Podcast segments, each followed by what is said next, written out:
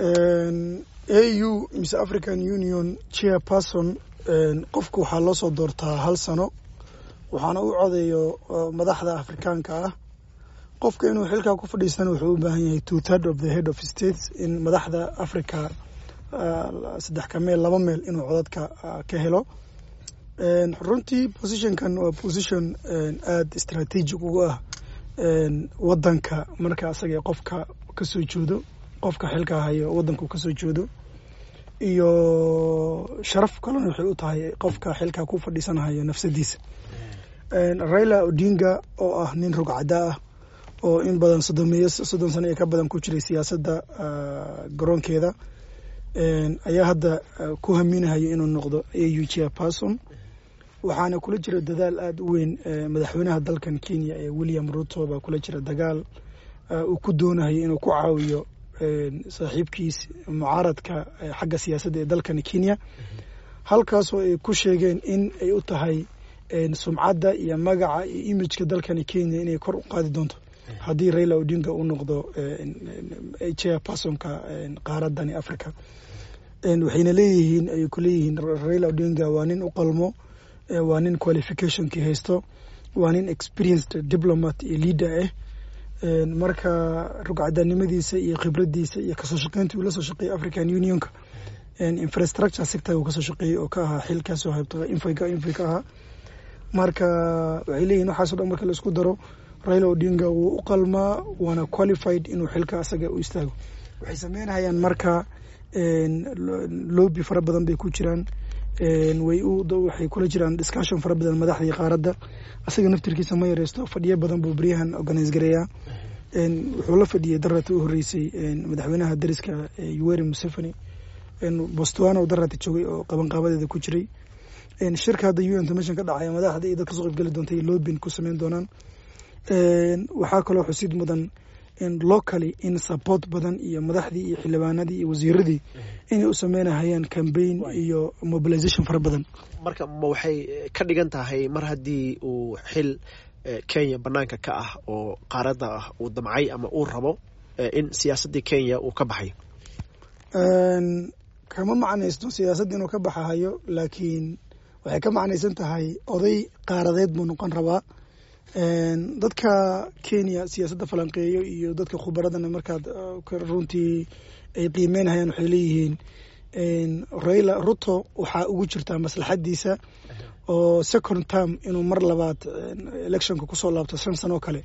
Dantiisu ka dhex arkayo marka inuu isdhaafiyo duqa ayuu aada u daninaya laakiin soomaalida iyo madaxda kale oo kenyaatiga hadda darad u dambeysay wasiirka difaaca aadan ducaale shir uu ku qabanayay degmada fafi wuxuu muujiyey inuu taageero buuxa muslimiinta iyo soomaalida dhammaan siinhayaan inay raila xilka asaga u tartamo oona ku guuleysto.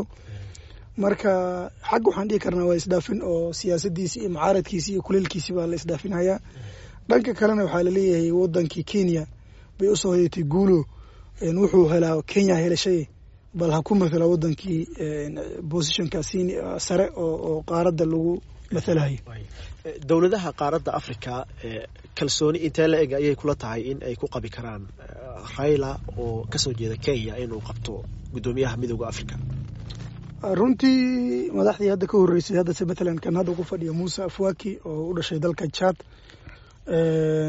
markii loo fiirsho raila iyo khibradda uu leeyahay siyaasadda iyo calaaqada uu la leeyahay madaxda afrikaanka iyo taariikhdiisii la xiriirka iyo mobilizationka iyo ka shaqeynta arrimaha africa iyo guulihii uu ka soo hoyeyey kenya.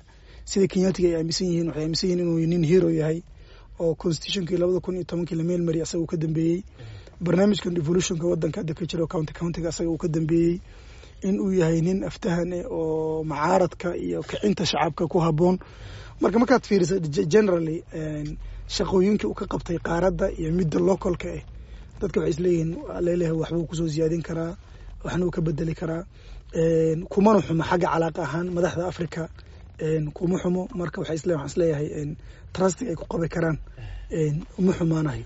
Laakiin kenya oo wadan sare ah oo haddaba aada africa growthkeeda iyo dhaqdhaqaaqeeda uga muuqdo in haddana ay sii noqoto chairpersonkii dhanaa african unionka kulley waxay wajihi doontaa tartan iyo iyo xurguf waddamada u arka inay tahay competitiveka oo la tartamo. Wadamo badan ayaana ku qanacsaneen qaabka a u hogaanka a u ku shaqaynayo waxaynu ognahay in hadda wadamo badan oo afrikaana ay ka maqan yihiin fadhiyada midooda africa sida dalka sudan oo kale. Marka arrintaasi dhaawac intee la-eg ayay u geysan kartaa? African unionka waxay ku dhisan tahay oo quwad ku leedahay member statekeeda hantida iyo waxyaalaha lagu maamulaa iyo dependency fara badan ooy qaaradaha kale sida maraykanka iyo chineska iyo european unionka funds ay ka sugta waa jiraan waana waxyaalaha lagu runtii ay ku ceebeysantao lagu eedeeyo. Member statekeeda donationka ay sameeyaan iyo siday u sponsor gareeyaan organizationkan ayaga ay dhisteen. Deero badan bay ka muujiyaan dadka afrikaanka waana sababta ay u horgellaas yihiin mabaadi'da sida trade movementiga free trade movementigii la qorsheeyey. Africa oo midaysan africa oo ganacsigeeda hal yahay africa oo visa la'aane africa oo bahalkii hal isticmaasho lacag africa oo bahalkii in go'aankeeda hal meel laga joodiyo. Africa oo markay adduunka invite garayso qofka chair personka uu ka qayb gala shirka waxyaalaha runtii africa ay ku fashilantay african unionkan uu ku fashilmay